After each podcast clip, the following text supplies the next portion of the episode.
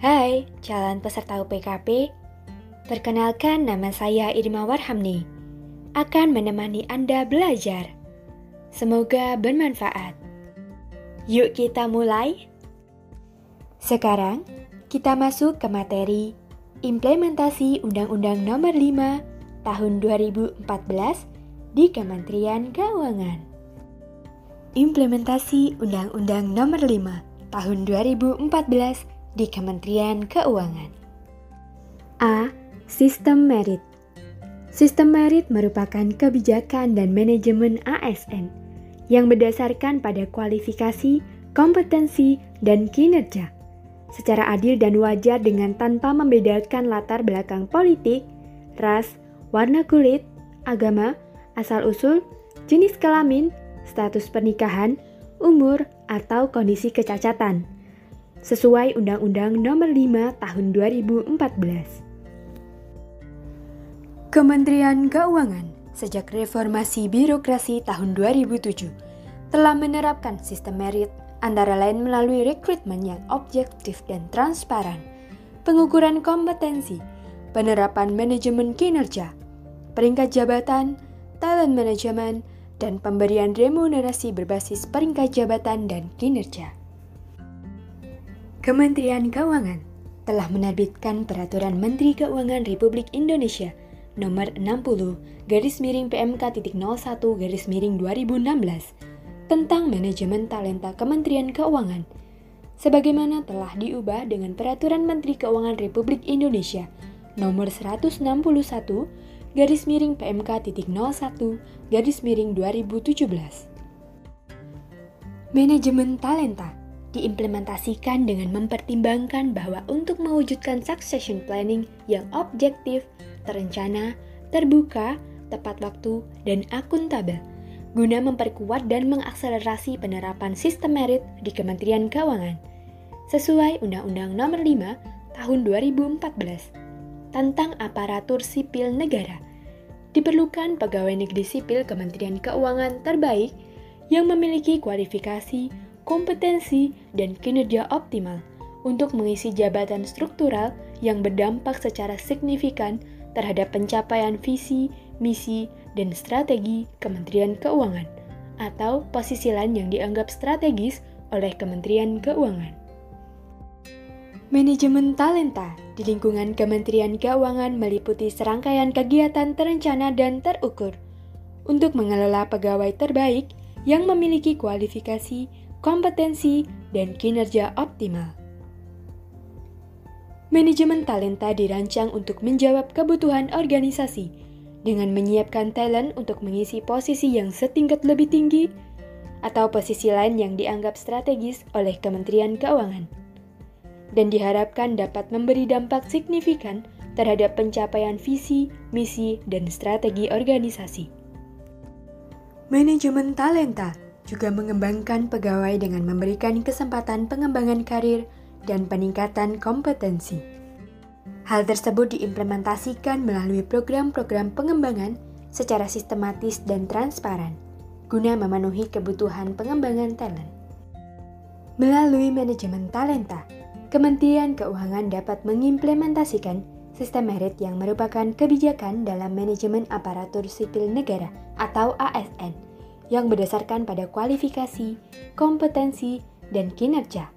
Secara adil dan wajar dengan tanpa membedakan latar belakang politik, ras, warna kulit, agama, asal-usul, jenis kelamin, status pernikahan, umur, atau kondisi kecacatan, sehingga dapat menempatkan dan memastikan bahwa jabatan target setingkat lebih tinggi diduduki oleh pegawai yang tepat dan pada waktu yang tepat sejalan dengan tata kelola pemerintahan yang baik sebagaimana dimaksud dalam Undang-Undang Nomor 5 Tahun 2014. B. Manajemen PNS Manajemen PNS sebagaimana disebutkan dalam Undang-Undang ASN meliputi 1. Penyusunan dan penetapan kebutuhan 2. Pengadaan 3. Pangkat dan jabatan 4. Pengembangan karir 5. Pola karir 6. Promosi 7. Mutasi 8. Penilaian kinerja 9. Penggajian dan tunjangan 10. Penghargaan 11. Disiplin 12.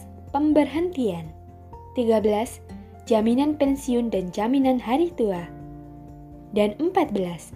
Perlindungan Penjelasan implementasi manajemen PNS di lingkungan Kementerian Keuangan disajikan sebagai berikut. 1. Penyusunan dan penetapan kebutuhan. A. Setiap instansi pemerintah wajib menyusun kebutuhan jumlah dan jenis jabatan PNS dan analisis beban kerja dan penyusunan tersebut dilakukan untuk jangka waktu 5 tahun sesuai pasal 56 ayat 1 dan ayat 2 Undang-Undang Nomor 5 Tahun 2014. B. Perhitungan kebutuhan jabatan fungsional. Kementerian Keuangan diatur dengan Peraturan Menteri Keuangan Nomor 37 garis miring PMK.01 garis miring 2020 tentang pedoman penghitungan dan pengusulan kebutuhan jabatan fungsional pada Kementerian Keuangan. 2. Pengadaan ASN A Pengadaan PNS merupakan kegiatan untuk mengisi kebutuhan jabatan administrasi dan atau jabatan fungsional dalam suatu instansi pemerintah. B. Pengadaan PNS dilakukan melalui tahapan perencanaan, pengumuman lowongan, pelamaran, seleksi, pengumuman hasil seleksi, masa percobaan, dan pengangkatan menjadi PNS sesuai pasal 58 ayat 3 Undang-Undang Nomor 5 Tahun 2014. C. Berdasarkan pasal 19 sampai dengan pasal 38 Peraturan Pemerintah Nomor 11 Tahun 2017 sebagaimana telah diubah dengan Peraturan Pemerintah Nomor 17 Tahun 2020. Proses pengadaan di Kementerian Keuangan dilakukan melalui tahapan meliputi 1 Perencanaan pengadaan paling sedikit memuat jadwal pengadaan dan prasarana dan sarana pengadaan PNS sesuai pasal 20. 2. Pengumuman lowongan secara terbuka kepada masyarakat. Paling sedikit memuat nama jabatan, jumlah lowongan jabatan, kualifikasi pendidikan, dan instansi pemerintah yang membutuhkan jabatan PNS sesuai pasal 21 dan 22. 3. Pelamaran dengan persyaratan dan tata cara sebagaimana disebutkan dalam pasal 23 sampai dengan pasal 25. 4. Seleksi pengadaan PNS terdiri atas tiga tahap, yaitu seleksi administrasi, seleksi kompetensi dasar, dan seleksi kompetensi bidang. Diatur dalam pasal 26 sampai dengan 31. 5 PPK mengumumkan pelamar yang dinyatakan lulus seleksi pengadaan PNS secara terbuka berdasarkan penetapan hasil akhir seleksi sesuai dengan pasal 32. 6. Pelamar yang dinyatakan lulus seleksi diangkat dan ditetapkan sebagai calon PNS oleh PPK setelah mendapat persetujuan teknis dan penetapan nomor induk pegawai dari Kepala BKN sesuai dengan pasal 33. Calon PNS wajib menjalani masa percobaan selama satu tahun. Masa percobaan dimaksud merupakan masa prajabatan yang dilaksanakan melalui proses pendidikan dan pelatihan dan hanya dapat diikuti satu kali. Pembinaan pendidikan dan pelatihan dilakukan oleh Kepala Lembaga Administrasi Negara sesuai pasal 34. 7. Calon PNS diangkat menjadi PNS setelah memenuhi persyaratan lulus pendidikan dan pelatihan serta sehat jasmani dan rohani, sesuai pasal 36. D. Dalam tahap pengadaan PNS, di Kementerian Keuangan telah menerapkan pola baru dalam pelatihan dasar ASN, yaitu Peraturan Lembaga Administrasi Negara Republik Indonesia nomor 1 tahun 2021 tentang pelatihan dasar calon pegawai negeri sipil. 3. Pangkat dan jabatan. A.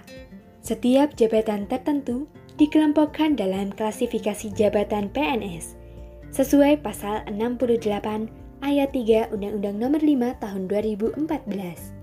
PNS dapat berpindah antar dan antara jabatan pimpinan tinggi, jabatan administrasi, dan jabatan fungsional di instansi pusat dan instansi daerah berdasarkan kualifikasi, kompetensi, dan penilaian kinerja.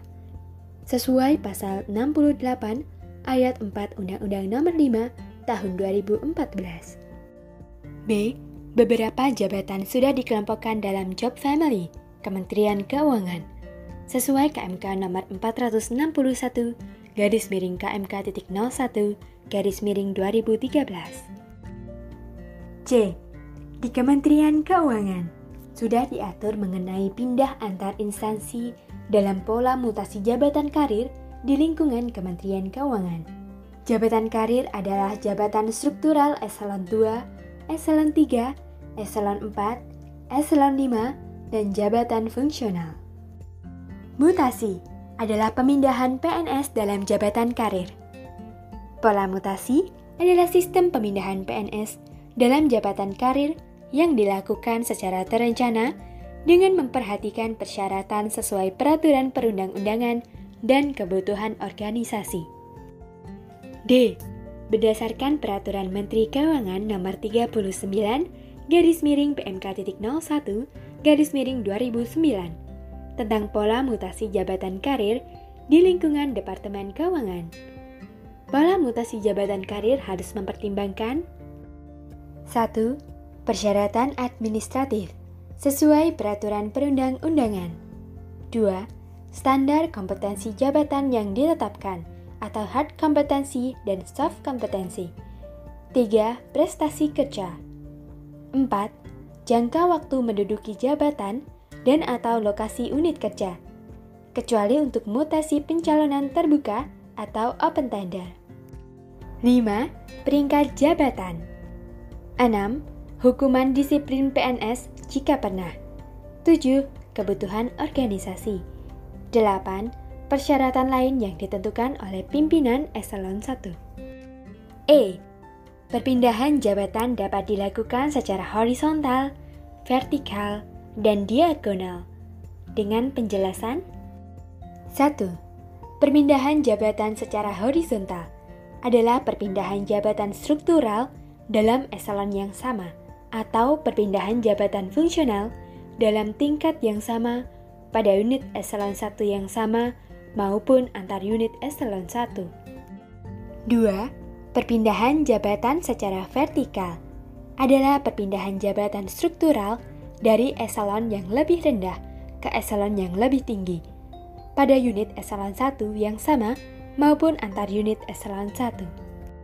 3 Perpindahan jabatan secara diagonal adalah perpindahan jabatan struktural ke dalam jabatan fungsional atau perpindahan jabatan fungsional ke dalam jabatan struktural pada unit eselon 1 yang sama maupun antar unit eselon 1. F. Kenaikan pangkat merupakan penghargaan PNS dengan jenis kenaikan pangkat meliputi kenaikan pangkat reguler, kenaikan pangkat istimewa, kenaikan pangkat pengabdian, dan kenaikan pangkat anumerta. G. Kenaikan pangkat reguler diberikan kepada PNS yang 1. Tidak menduduki jabatan struktural atau jabatan fungsional tertentu. 2. Melaksanakan tugas belajar dan sebelumnya tidak menduduki jabatan struktural atau jabatan fungsional tertentu. 3 dipekerjakan dan diperbantukan dan tidak menduduki jabatan. 4. Tidak melampaui pangkat atasan langsungnya. 5. Sekurang-kurangnya telah 4 tahun dalam pangkat terakhir. 6. Setiap unsur DP3 atau PPKP 2 tahun terakhir bernilai baik. H. Kenaikan pangkat pilihan diberikan kepada PNS yang 1 menduduki jabatan struktural atau jabatan fungsional tertentu. 2. Menduduki jabatan yang pengangkatannya ditetapkan dengan keputusan presiden.